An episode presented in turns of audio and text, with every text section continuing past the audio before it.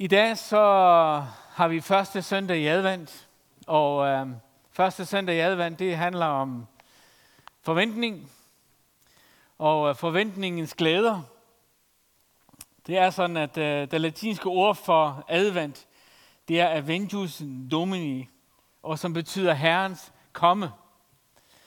Og øh, det er det, som er hele øh, adventshøjtidlighedens formål og budskab, det er, at vi forventer noget. Vi nærmer os Kristi fødsel. Vi nærmer os Jesus, der kommer ind i den her verden. Og det er det, som øh, det, det hele handler om. Um, jeg har lyst til at dele noget omkring forventning. Og um, hvilken kraft, der er i øh, forventningen. Um, kender du den der følelse, når det er, at man... Øh, har en eller anden forventning, og det så ikke sker. Det er en flad fornemmelse, er det ikke? Um, det kan være i mange områder af livet, hvor at, at vi er skabt med den her følelse af forventning. Vi har simpelthen brug for den. Og uh, det kan være i forbindelse med huskøb, det kan være i forbindelse med arbejde, det kan være i forbindelse med, med at blive bedt for til lægedom. Der kan være mange ting, hvor man har en eller anden forventning at det, man går efter, det også kommer til at ske. Øh, Tove og jeg, min kone, vi havde en oplevelse på et tidspunkt, hvor vi, uh, vi havde budt på et hus, og vi var overbevist om, at det var Gud. der var så mange bekræftelser, der var så mange stadfæstelser, så vi tænkte bare, yes, den er hjemme. Og vi begyndte sådan at glæde os og forventningen over det her nye hus, vi skulle uh, investere i. Og på vej til ejendomsmaleren i bilen, så bliver jeg ringet op. Huset er solgt til anden side. Og det er virkelig en virkelig flad fornemmelse, når man står der og tror, at nu var svaret der, nu er, nu er mit øh, nye hjem der. Og man oplever bare ligesom, at, at tingene bare bliver revet fuldstændig fra hinanden. Og man siger, men Gud, hvor, hvor, hvor var du hen? Fordi forventningen er så kraftfyldt, og fordi det, at vi forventer noget, har så meget slagkraft i sig, så kan vi ikke gøre det, uden at vores følelser også bliver berørt af det.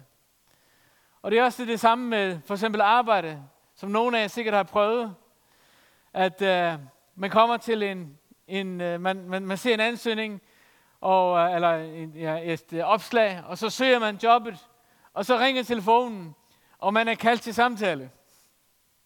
Og jeg ved bare, så er følelsen der, jeg tror, den er hjemme. Jeg skal til samtale på tirsdag.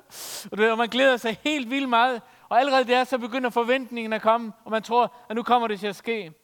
Og man er til samtale, og man tænker bare, det gik bare så godt. Jeg, jeg, jeg gav mit bedste, og så videre. Og så en time efter, man har forladt lokalet, så ringer telefonen, og man tænker bare, yes, nu er den der. Desværre, stillingen er gået til anden side. Og det er en virkelig, virkelig, virkelig, virkelig mærkelig følelse. Og, øh, og det fortæller bare, hvor meget der foregår i os rent følelsesmæssigt. Det der problemet, det er, det er ikke altid, at virkelig, eller, øh, forventningen svarer til virkeligheden. Og det er noget, som vi har brug for at lære at, øh, at håndtere. Men virkeligheden må aldrig, eller forventningen må aldrig blive en fjende for os. Um, der er nogen, som har sagt på den her måde her, at det, det, er, det er bedst ikke at forvente noget, fordi så bliver man ikke skuffet. Har I hørt den? Det er bedst ikke at forvente noget, så bliver man ikke skuffet. Problemet er bare det, at hvis ikke du forventer noget, så dør du. Fordi forventningen er en del af vores livskraft. Uh, forventning, det giver håb. Forventningen, det giver drive. Forventningen gør, at, at, øh, at, at man, øh, man, man føler trang til at gå fremad. Jeg ved ikke, hvordan du har det. Jeg elsker at være sammen med mennesker, som har forventning. Jeg elsker at omgås mennesker, som uh, afspejler tro på fremtiden, tro på de ting, de gør. Jeg har talt med nogle virksomhedsfolk, som har øh, store virksomheder, som er voldsomt ramt af den her coronakrise, som vi er i. Har tabt millioner. Og øh, jeg talte med en, øh, en direktør her for ikke så længe siden, og spurgte, hvordan har du det med det? Er du, kan du holde modet op? Ja da. det her, vi skal igennem det her, vi kommer til at klare det. Og jeg tænkte, det er da fantastisk at have sådan et mod. Men det er fordi, at inde i hende, så er der en tro på og en forventning til, at tingene de ændrer sig. Og hvad gør det? Det giver liv, og det giver uh, tro på noget positivt i, i fremtiden. Så det med at have forventning, det er livsnødvendigt for os. Du kan ikke leve uden. Øhm, Ordsprogenes bog, kapitel 13, vers 12, siger sådan her, at forventning trukket i langdrag gør hjertet sygt. Et opfyldt ønske er livets træ. Bibelen på hverdagsdagen skriver sådan her, at bristede forhåbninger giver mismod. Men ønsker, der går i opfyldelse, giver livsmod. Ifølge Bibelen, ifølge det vi læser her, så er uopfyldte ønsker, eller det, at man ikke har noget, som, som, som øh, man forventer eller længes efter i sit liv, det dræber noget ind i dig. Og kvæler noget af den livskraft, som du har brug for i dit liv. Du har brug for forhåbninger. Du har brug for at have drømme. Du har brug for at have længsler i dit hjerte. Og ja, der er ting, der ikke går i opfyldelse. Der er ting, der ikke sker. Men det her, det må aldrig blive sådan et eller andet, hvor jeg bare tænker, at jamen, det sker aldrig for mig. Og så lukker man fuldstændig ned som menneske.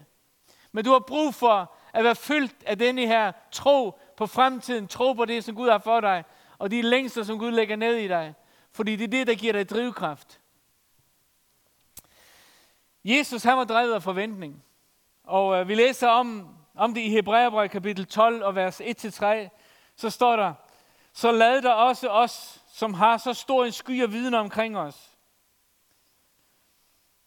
øh, frigør os for enhver byrde og for synden, som så let omklamrer os, og holde ud i det løb, der ligger foran os, i det vi ser hen til Jesus, troens banebryder og fuldender. Så for den glæde skyld, der ventede ham, udholdt korset, uden at ansætte skam, og nu sidder på højre side af Guds trone. Hold jer ham for øje, som fandt sig i en sådan modstand for syndere, for at de ikke skal blive trætte og miste modet. Prøv at lægge mærke til, hvad der står her. Der står her, for den glædes skyld, der ventede ham. Hvad var drivkraften i Jesu liv? Bibelen siger, at Jesus han var menneske som du og jeg, da han var her på jorden. Og øh, han var igennem prøvelser, kampe, forfølgelser, lidelser, han, øh, der står, at han var fristet i alle ting, ligesom vi. Det vil sige, Jesus han har været fuldt ud menneske her på jorden. Og havde smagt, hvad det vil sige at være menneske. Men der står, at der var noget, der holdt ham i gang.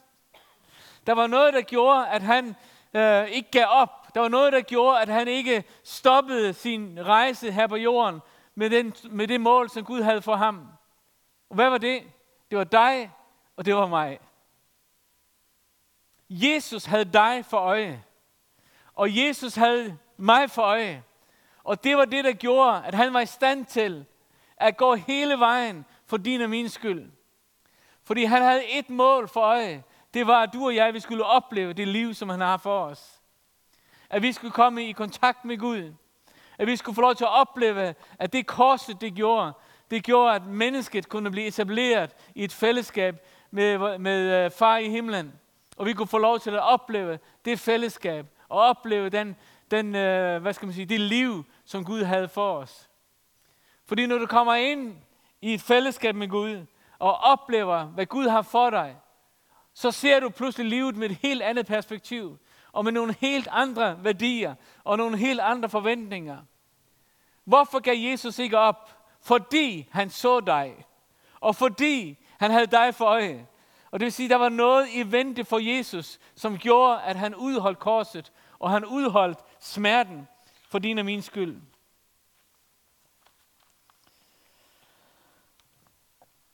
Mismod kommer ikke fra Gud. Frygt kommer ikke fra Gud. Bibelen er meget klar, når det gælder det her. Og Bibelen kalder faktisk, bruger faktisk begrebet, at den ånd kommer ikke fra Gud. I øh, 2. Timotheus kapitel 1, vers 7, der står der sådan her, at Gud har ikke givet os en frygtsom ånd, der gør os modløse, men en ånd, der giver os kraft, kærlighed og sund fornuft. Gud har ikke givet os en frygtsom ånd, der gør os modløse. Det kommer ikke fra Gud. Frygt kommer ikke fra Gud. Modløshed kommer ikke fra Gud. Jeg ved ikke, om I kender den følelse, at man har jogget i spinaten. Man fik måske ikke bedt alt det, man burde have bedt. Uh, man, uh, man tænker sådan, jeg skulle have læst noget mere. Eller jeg skulle have gjort det, jeg skulle have gjort det, jeg burde, og så videre. Og så bliver man lammet af den der, den der følelse af frygt. Og så pludselig, når så frygten begynder at lamme en, og uh, mismod kommer ind over en, så begynder man at ligesom komme med den der forklaring, ja, jamen det er nok fordi, at hvis jeg nu havde gjort meget mere, hvis jeg nu havde læst noget mere, eller hvis jeg nu havde bedt noget mere, hvis jeg nu havde været mere aktiv i kirken, hvis jeg nu havde, og så videre. Det er ligesom Guds måde at vise mig, at jeg er gal på den. Problemet er bare, der findes ikke frygt i Gud. Han kan ikke give dig noget, han ikke har. Hørte du det? Han kan ikke give dig noget, han ikke har. Og han har ikke frygt. Frygt kommer ikke fra ham. Mismod kommer ikke fra Gud. Vi kan opleve det, fordi vi vil befinde os i den her verden. Men det er bare vigtigt for os, at vi ved, at den ånd kommer ikke fra Gud. Og derfor kan jeg afvise den i Jesu navn.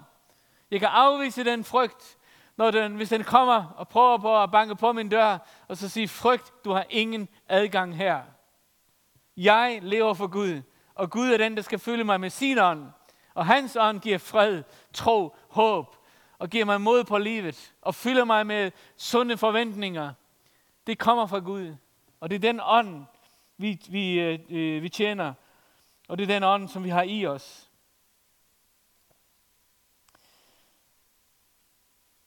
Noget af det, som øh, jeg også nogle gange synes, jeg har oplevet, også når jeg kigger tilbage i mit eget liv, hvor jeg kan mærke, at jeg har været nødt til at, at, at direkte omvende mig fra det. Det er den her, man nogle gange truer mennesker til tro. At tro mennesker til tro, hvis ikke. ikke? Og det vil sige, at frygten skulle blive motivationen for det menneske, vender sig til Gud. Det er ikke Guds metode. Gud tror ikke mennesker. Der står, at Guds kærlighed drager mennesker. Og ved du hvad? Da jeg gav mit liv til Jesus, så var det ikke, fordi der var nogen, der havde troet mig med død og helvede. Da jeg gav mit liv til Jesus, og jeg oplevede Jesus i mit liv, så var det fordi, jeg havde en oplevelse af Guds kærlighed i mit liv. Jeg stod i en gudstjeneste, hvor jeg blev ramt af Guds kærlighed. Og jeg tænkte bare, det her vil jeg have. Jeg fortalte en på et tidspunkt, at jeg var blevet en kristen, hvor vedkommende siger, det er godt nok synd for dig. Det var det billede, vedkommende havde. Jeg var blevet troet til det, og jeg havde været nødt til at bøje mig og sige, okay, jeg overgiver mig. Lad mig blive en kristen så. Ikke? Det har ikke noget med Gud at gøre. Frygt findes ikke i kærligheden. Frygt findes ikke i kærligheden. Gud bruger ikke frygt. Brug, brug, uh, Gud bruger kærlighed. Og kærlighed, det har han. Og han kan kun give det, han har. Og han giver sin kærlighed. Og drager dig med sin kærlighed. Når jeg gik ind i et ægteskab med min hustru, så gjorde jeg det ikke af frygt. Da vi sagde ja til hinanden, så stod jeg ikke i kirken, da jeg blev spurgt om, vil du øh, agte, øh, agte er han i medgang i modgang i lykke ved Gud, den mægtige giver jer, ind til døden skiller jeg ad. Ja, ja, vi får se. Prøv at forestille dig, hvad min kone ville sige, hvis jeg sagde det i kirken og hvordan øh, hans reaktion ville være. Det var ikke sikkert, at vi var gået hånd i hånd ud af kirken. For det var ikke bare noget, vi ville se. Det var yes! Hvorfor? Fordi jeg var smask forelsket, og er stadigvæk smask forelsket. Det var derfor, jeg gjorde det. Det var derfor, jeg valgte hende. Fordi jeg elskede hende. Og det var ikke en byrde, det var ikke en frygt, det var ikke en trussel. Det var ikke bare, altså ja, nu må vi se. Men det var en forventning, som var født i kærlighed. Og det gjorde, at jeg trygt kunne sige ja til min hustru. Og vi er stadigvæk sammen.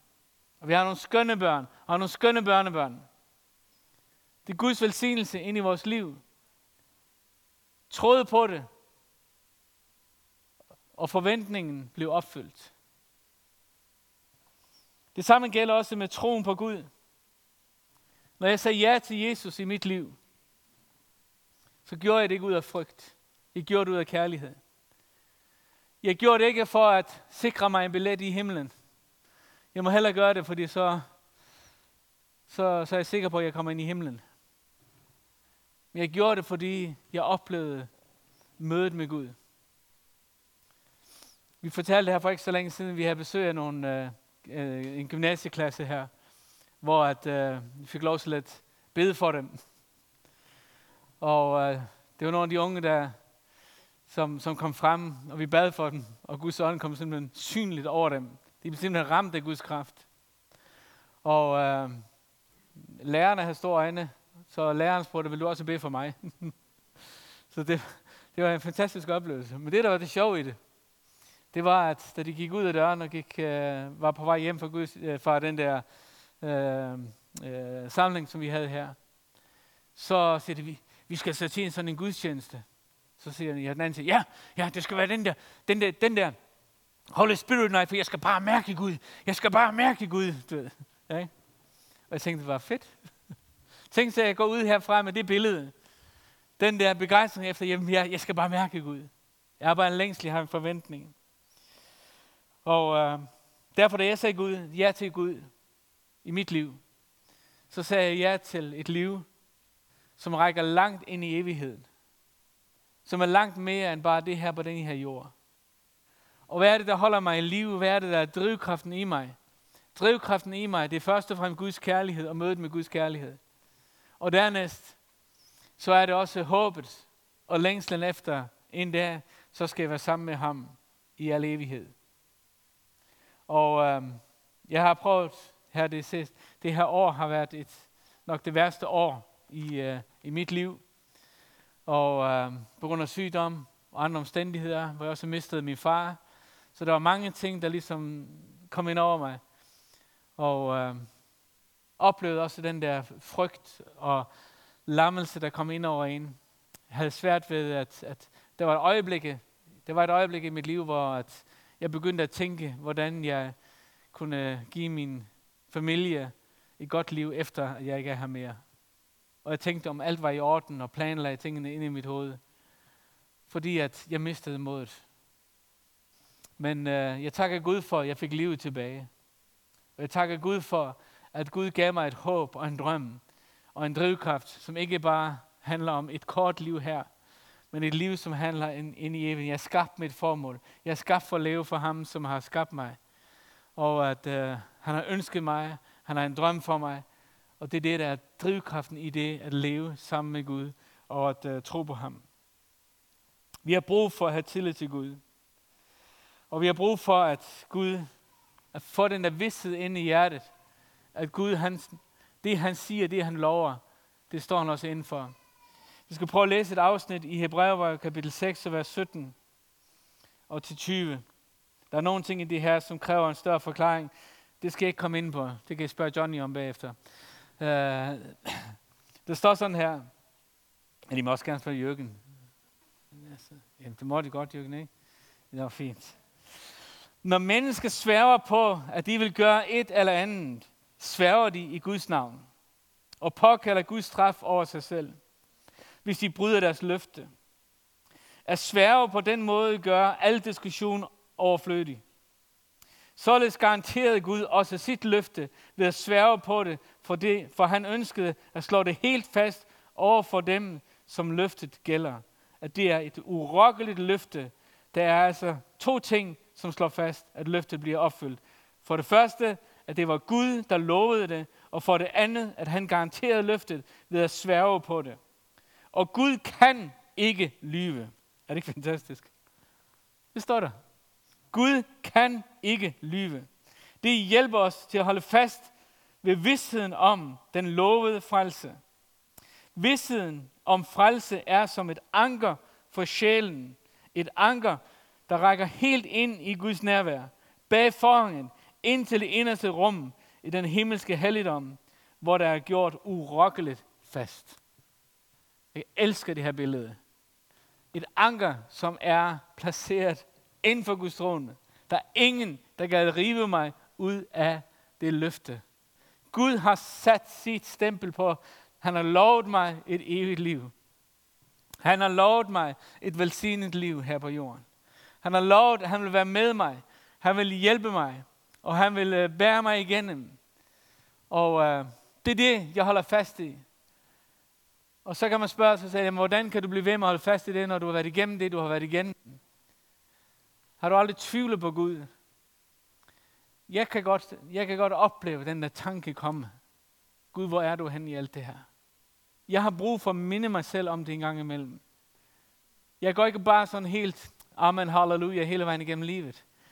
Jeg har også mine øjeblikke, hvor at usikkerheden rammer en. Jeg husker, jeg lå på sygehuset. Jeg kiggede ud af vinduet. Jeg har lige fået at vide, at de har fundet nogle skygger i mine lunger. Og jeg kigger op mod skyerne. Og pludselig så slog det mig, mens jeg kiggede ud, så tænkte jeg, hmm, kan jeg vide, hvad der venter mig derude? Kan jeg vide, hvad der sker derude? Og øh, fordi at ens frygt, frygten kommer op i en. Og man kan, usikkerheden kan lamme en. Alle mennesker oplever det, og det er, ikke nogen, det er jo ikke, det er ikke nogen synd. Det er bare en erkendelse af, at vi er mennesker. Vi kan opleve de her ting. Og derfor er det, at det man så oplever, det er, når man så begynder at, at, at uh, nævne de her ting inden for Gud, så kan jeg mærke, hvor rådfæstet det der anker er i sjælen. Anker ligesom er plantet inden for Guds trone. Og at når frygten kommer, usikkerheden kommer, tvivlen kommer, at jeg pludselig oplever bare, der er altså noget, der holder så meget fast i mig. Jeg kan ikke slippe det. Og min egen måde at håndtere sådan nogle ting på, det er bare at tage en lille rusjetur bagud og se på alle de ting, hvor jeg bare ved, det kunne aldrig have sket, hvis ikke Gud var med mig. Og Gud gjorde det i mit liv. Så at uh, have forventning til Gud, og bygge din tro på ham og tillid på ham. Og jeg er overbevist om, at du skal finde hvile i din sjæl, og din sjæl skal blive urokkelig fast i overbevisning om, hvad Gud han er for dig. Jeg har lyst at vi skal bede en bøn sammen her. Og hvis du har det sådan, at der er nogle ting, som du bare har brug for, bare nævne inden for Gud. Det kan være nogle ting, som du har, været, har kæmpet med. Øh, lammelse af frygt på en eller anden måde. Det kan være ting, der bare har tvivl, der bare har ramt dig. Altså. Der kan være så mange ting, der bare kommer ind over en. At øh, simpelthen bare nævne det for Gud. Så siger Gud, jeg tvivler. Der var en, der sagde til Jesus, jeg tror, hjælp min vantro. ja, det skræmmer ikke Gud at få det at vide. Han ved det faktisk i forvejen, hvis du er i tvivl. Så lad os bede sammen. Himmelske Far, jeg takker dig for din nåde ind over vort liv. Jeg takker dig, Gud, fordi at du kender den enkelte. Tak fordi at du kender det enkelte hjerte, som er repræsenteret her i dag. Jeg beder Gud for dem, som kæmper med frygt, dem, der kæmper med modløshed. Jeg takker dig, Gud, fordi at jeg med fuld frimodighed kan sige, at det kommer ikke for dig, fordi du har det ikke i dig. Du kan ikke give noget, du ikke har. Jeg takker dig, Gud, fordi at din fred, som overgår al forstand, vil fylde vores hjerte. Tak, at din kærlighed, som overskygger alt, vil fylde vores hjerte. Og tak, fordi du giver os tro og håb og en forventning om et rigt og velsignet liv med dig, Gud. Jeg tilbeder dig, jeg ærer dig. Amen. Amen.